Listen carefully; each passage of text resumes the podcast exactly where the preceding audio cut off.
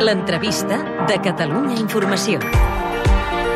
Aquesta setmana el Parlament ha aprovat amb els vots a favor de Convergència i Unió, Esquerra i Iniciativa demanar al Congrés la transferència a Catalunya de la competència per convocar referèndums.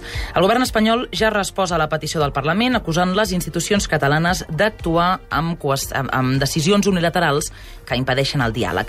D'aquesta i d'altres qüestions de l'actualitat política d'aquesta setmana en parlem amb Joan Herrera, coordinador nacional d'Iniciativa per Catalunya Verds i president també del grup d'Iniciativa Esquerra Unida al Parlament. Senyor Herrera, molt bon dia, benvingut a Catalunya Informació. Molt bon dia. L'entrevista de Catalunya Informació, amb Eva Comte. Com dèiem, el president espanyol Mariano Rajoy diu que no hi ha res a dialogar amb Catalunya si es prenen decisions unilaterals, ho deia ahir el president espanyol. L'aprovació dijous de la petició al Congrés per celebrar la consulta és, senyor Herrera, una decisió unilateral que impossibilita el diàleg? A veure, la decisió del Parlament és una decisió per anar a negociar. Bueno, en primer lloc perquè s'aprovi, òbviament, però per fer allò que han fet a altres llocs, lloc que han fet a Escòcia amb el Regne Unit, el que va fer en el seu dia el Quebec amb Canadà, una proposta, en aquest cas una proposició de llei perquè es voti i després ens posem a discutir. I vaja, crec que és la manera. No, no deien que volien una proposta en el marc de la legalitat. Doncs és, és exactament en el que és. Per tant, aquestes afirmacions del govern espanyol, també de la vicepresidenta, ja tancant la porta a aquesta possibilitat de transferència de la competència, com la valoren? Previsible i lamentable jo et diria que tot és molt previsible perquè és el que esperàvem, lamentable perquè evidencia que, que, que el PP no vol absolutament res, que no vol dialogar, per molt que diguin, i que el que vol és imposar i que el problema no és jurídic o legal, sinó que és polític. Seguiran, però, fent aquests passos legals que, que vostès consideren que són els, els adequats, nosaltres, malgrat preveure aquesta resposta negativa? Nosaltres creiem que el que cal és eh, evidenciar que en el marc de la, de la legalitat és possible convocar la consulta. I el que hem fet és encetar una de les vies, el, plantejant-ho en el Congrés i si el que tenen més ganes de negociar doncs el que faran és admetre-ho a tràmit i posar-se a discutir del... vaja, per veure com ho materialitzem. Vostè està convençut, senyor Herrera, que hi haurà consulta el 9 de novembre?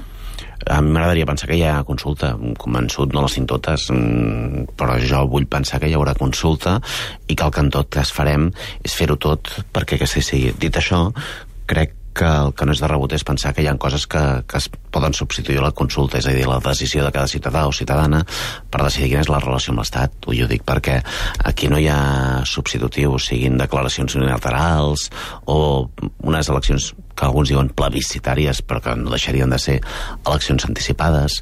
Crec que aquesta no és la manera. Jo crec que la manera és aconseguir que la consulta es faci, que es faci sí o sí, i que els catalans i les catalanes puguem decidir el nostre futur, la nostra relació amb l'Estat, eh, amb un vot que sigui, vaja, propietat de cada ciutadà. I en cas de que el govern espanyol tanqui la porta als morros a aquesta consulta, quina opció quedaria? És a dir, si la legalitat catalana. no són...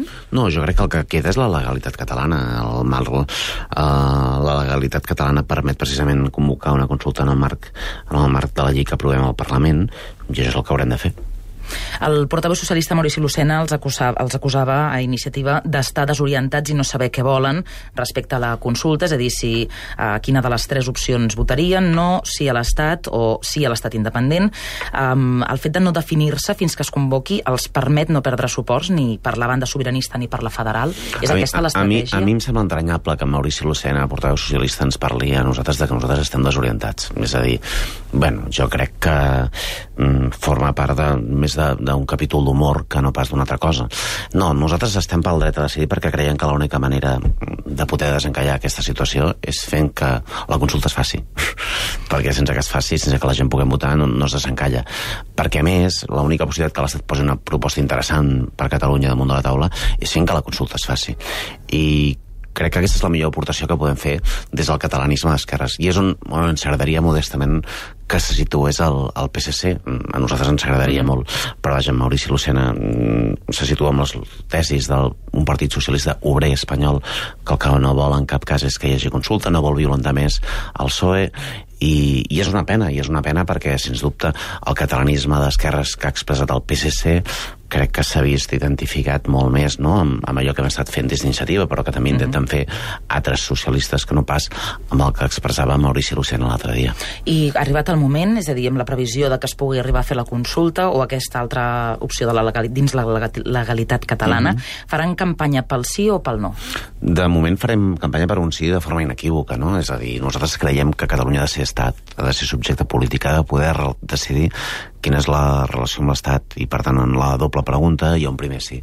En el segon d'ells eh, haurem de decidir-ho quan es convoqui la consulta en funció de les circumstàncies però crec que ara és hora d'exigir i de reivindicar el dret a decidir i que es pugui, i que es pugui materialitzar i de fer-ho més amb, amb un afegitó aconseguint que no ens desmuntin el país mentrestant Mm. I ho dic perquè mentre parlem de la consulta resulta que la setmana que ve aprovem pressupostos i els pressupostos desmunten el país. Els pressupostos consoliden les retallades i amplien les privatitzacions. I es faci la consulta el 9 de novembre o es faci més enllà, correm un risc. I el risc és que aquells que estan liderant el país, Convergència i Unió, i a mi em sap greu, eh, amb, amb el suport d'Esquerra Republicana, doncs mentrestant el que estiguin és desmuntant el país i fent que, vaja, que el país que volem construir potser el construirem però acabarà tot en mans privades i han començat amb l'aigua i ja sabem què acabem amb una privatització que com, com bé sabeu obre l'escletxa privatitzat per valor de 2.300 milions d'euros i que també ha té altres expressions no? aquesta casa, la publicitat a la Corporació Catalana de Ràdio i Televisió està en mans de del privat, han posat el llop a, a cuidar de les gallines. Bé, jo, jo crec que expressa molt el, el model de país que tenen alguns. Per tant, eh, per nosaltres és important molt, molt, molt important precisament el, el fet de poder guanyar el dret a decidir i a la vegada que no ens desmuntin el país, que no ens el venguin, que no el privatitzin mentre, mentre guanyem això. Uh, L'última qüestió ja, senyor Herrera, sobre aquest dret a decidir. Uh, temen que posicionar-se, és a dir, ha comentat que en la primera pregunta sí. la, la, el posicionament és clar, és un sí a favor de, l'Estat, uh, encara s'ha de concretar si és a favor de l'Estat o de l'Estat independent. Temen que posicionar-se en aquest segon nivell de la pregunta uh, pugui generar divisions internes dins d'iniciativa, com ha pogut passar amb el PSC? No, no temem perquè... Per la pluralitat del partit, em Miri, la, la diferència entre iniciativa i el PSC no és que siguem menys plurals, nosaltres som tan plurals com el PSC.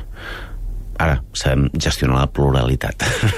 I crec que això és un valor per mi és un valor, com a mínim. És a dir, saber administrar la pluralitat és un valor, com a mínim, a la societat catalana, una societat prou, prou plural. Dos, ja ens pronunciarem quan es convoqui. Eh, I ho dic perquè hi ha molta gent que, que ve atiant dient vinga, pronuncieu-vos, pronuncieu-vos. Doncs quan es convoqui, en funció de les circumstàncies, en funció del que posi l'estat damunt de la taula, en funció de moltes altres circumstàncies, ho farem però el que sí que creiem és que ara és hora de guanyar el dret a decidir, ho estem fent tot per guanyar-lo. I a mi em sap molt greu que, que no hagi estat qui havia d'estar en guanyar-lo, perquè és obvi que si ara mateix tinguéssim els dos terços que, que, que, que és la majoria qualificada que necessitem per la reforma de l'Estatut, doncs davant de, de la comunitat internacional i fins i tot davant de l'Estat tindria més força. I si el PSC hi hagués estat, tindria més força. Per cert, també si hagués estat la CUP, però sobretot si hagués estat el PSC, no? Volem posar aquest accent i, i crec que ningú pot dubtar que Iniciativa està fent-ho tot per guanyar el dret a decidir. I és més, Iniciativa jo crec que no, Iniciativa i Esquerra Unida. No hi ha cap força a Catalunya que hagi fet més per guanyar el dret a decidir fora de Catalunya que nosaltres. Hem aconseguit que una força en caràcter d'estat, eh, estigui defensant que els catalans puguem decidir el nostre futur. Bé, a mi m'agradaria que molts altres estiguessin fent això. I no parlo només del PSC, sinó la necessitat de pedagogia arreu de l'Estat i entendre que la correlació de forces a l'Estat és important. Jo dic perquè a vegades sembla com, com si això no anés amb nosaltres i jo crec que és un element també que és rellevant i que és significatiu i nosaltres estem fent-ho tot per guanyar aquest dret de forma pràctica i efectiva, no només de forma retòrica. Els ha decebut, doncs, eh, l'abstenció de la CUP a la votació de dijous al Parlament? No, en primer lloc la decepció és del, per mi la principal decepció és la del PSC. Uh -huh. No, la, la, de la CUP m'ha sorprès, francament, perquè havíem signat una proposició de llei, no havia vist mai que signessis una proposició de llei, després t'abstens, i em sap greu perquè podríem haver arribat a aquesta majoria de dos terços, però no... Vaja, ells han explicat els seus motius, a mi em sorprèn, però no, no... Vaja, mentre que l'actitud amb el PSC sí que és de profunda decepció, l'actitud amb la CUP és de sorpresa i de, de que a vegades hem d'aparcar la vella política i l'interès partidista i, i posar una mica llums llargues i veure quin és l'interès general. M'hagués agradat que, que hagués primat això, però en tot cas, vaja, és, és més sorpresa que, que decepció, diria. Mm -hmm. Tornant al PSC, els socialistes catalans estan immersos en una aguda crisi pel, pel desobeïment de tres diputats a la disciplina de vot arran d'aquest procés sobiranista. Com valora el gest de Joan Ignasi Helena, Marina Gela i Núria Ventura votant a favor de la petició per celebrar la consulta i, per tant, desobeint eh, el propòsit, l'opció que havia aprovat la direcció del, del PSC? Jo, en primer lloc, vull dir que, que nosaltres serem respectuosos en tots els debats i és obvi que aquest és un debat intern que té una dimensió externa. En segon lloc, jo constato, hi ha un programa electoral del PSC que diu que reclamant el dret a decidir en el marc de la legalitat. I el que estàvem fent l'altre dia és votar per poder exercir el dret a decidir en el marc de la legalitat. Hi haurà qui s'haurà d'interrogar qui, qui defensava més el programa del PSC. Uh -huh. Jo crec que aquest interrogant hauria, hauria de fer-se. I a mi el que em sap molt greu és que el PSC estigui en aquest debat intern mentre Convergència i Unió desmunta el país amb les privatitzacions, amb uns pressupostos que són un desastre, sense una política redistributiva com cal, i mentre el PP el que fa és una ofensiva contra els drets i les llibertats i a favor de la recentralització com mai. Em sap greu que un partit tan important estigui només amb el debat intern i no pensant en els pressupostos que es voten la setmana que ve, com els combatem, i, i fins i tot com definim una aliança, una aliança compartida. I jo, sincerament, tinc més ganes de parlar del que es construeix que del que es trenca. Mm -hmm. dir, miri, el debat del PSC és el que és, però potser és hora que, que construïm. I a mi què m'interessa a l'hora de construir? En part m'interessa un, un, un socialisme que planti cara a la Troika, que planti cara al pacte que reforma la Constitució per primer pagar els bancs i després la gent. Eh, m'interessa un socialisme que defensi el dret a decidir. I jo crec que aquest, amb aquest socialisme eh, ens podem trobar com a mínim la gent d'iniciativa i la gent d'Esquerra Unida ens, ens mm. podem trobar a l'hora de, de definir una alternativa, perquè en aquest país és important guanyar el dret a decidir, però jo crec que és important canviar les polítiques també. A l'escola del meu fill, al, al centre d'atenció primària on jo sóc usuari i on molts altres són usuaris, és importantíssim canviar la correlació de forces a l'hora de generar polítiques d'ocupació i no les polítiques laborals que estan desmuntant el país amb una reforma laboral que va aprovar Convergència i Unió a Madrid però que segurament si pogués fer-la a Catalunya faria tres quarts del mateix, no? Llavors, a mi m'interessa aquest socialisme amb el, que, amb el que construir, que és un socialisme que planta cara a la troika i que defensa el dret a decidir. I, per tant, vull parlar de construir i aquells que, que trenquen, doncs, allà ells, és el seu debat, uh -huh. són les seves maneres, és el seu estil, però potser és hora que comencem a pensar en una altra cosa, com construïm una alternativa en el país que lluiti contra la troika, que retalla drets, que practica l'austeritat i, i com aconseguim guanyar de forma efectiva el dret a decidir i, per tant, que Catalunya sigui subjecte polític i pugui decidir el seu futur lliurement. Sobre aquesta qüestió que ara comentava eh, vostès, eh, aquesta crisi del PSC coincideix en el temps amb l'assemblea oberta que uh mhm. -huh. Iniciativa per Catalunya Verds i Esquerra Unida i Alternativa preparen per l'1 de febrer, per d'aquí menys de 15 dies, en què volen posar les bases per a una alternativa d'esquerres. El corrent crític Avancem de Joan Ignasi Lena tindria un paper destacat en aquesta trobada? Tindria un paper destacat tot aquell que entengui que, que és hora de construir, no de trencar, tot aquell que entengui que és hora de guanyar el dret a decidir, tot aquell que entengui que cal carregar-nos les polítiques d'austeritat, les privatitzacions de l'aigua, sigui a Catalunya o sigui a l'àrea metropolitana de Barcelona, en -huh. aquest cas amb el vot de Convergència i de PSC. Mm, I, per tant, sí, poden tenir cabuda, mm, però, però el que és important és posar llums llargues i anar a construir, anar a construir precisament els valors de l'esquerra que vol plantar cara i que vol ser alternativa. I voldria que avancem i altres eh, membres d'aquests corrents crítics dins del PSC s'apuntessin a aquesta alternativa d'esquerres que estan construint? Uh, a mi m'agradaria que mm, tota la gent d'esquerres d'aquest país que vol construir una alternativa i vol guanyar el dret a decidir assuméssim. Perquè tinc la impressió que, que l'escenari és excepcional, com mai. com mai des del punt de vista nacional, però atenció, com mai des del punt de vista social. I aquí has canviat, que ha intercanviat dret a decidir per retallades. Mm -hmm. jo, jo, nosaltres sempre ho hem dit, és un error garrafal. Potser d'aquí un temps s'ho repensen i entenen que cal construir una alternativa. Um, nosaltres, en tot cas, creiem que cal sumar, no? I, i a mi m'agradaria que tota aquella gent d'esquerres que entengui que cal construir aquesta alternativa guanyant el dret a decidir, sumem, i per descomptat eh, part de l'expressió mm, doncs del socialisme que representen Avancem, però molts altres. Eh, jo crec que ens podem entendre però en tot cas crec que ells avancen en un altre debat i nosaltres som respectuosos, plenament respectuosos amb el debat que tenen, que és intentar que el PSC torni a fer de PSC i em sembla el debat més legítim més, i més lloable eh, que es pot esperar d'ells. Uh -huh. Parlant dels pressupostos que ja hem comentat en diverses ocasions ara en aquesta conversa, el PSC els acusa de complicitat amb els pressupostos del 2014, els quals vostès votaran en contra, per haver pactat la data i la pregunta, i ara mm. per haver també aprovat el procediment de la consulta. Yeah. Vostès insisteixen, però, que continuaran votant en contra aquests és que pressupostos, és, és, que una cosa va deslligada de l'altra. Si m'ho permet, és una mica una dir que nosaltres tenim complicitat amb els pressupostos és una poca soltada, no? És, és, és, és, no, no, no, no té dos dits de front. Aleshores, ells, com estan en contra de la consulta, estan amb, amb donant suport al PP amb la llei d'avortament? Eh, eh, que és absurd.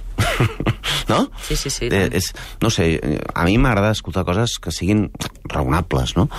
Però, clar, aquells que han estat 3 anys de vacances a l'hora de fer oposició, aquells que han pactat la sindicatura de comptes, aquells que han pactat la privatització de l'aigua a l'àrea metropolitana amb Convergència, m'acusen a mi de complicitat amb els pressupostos?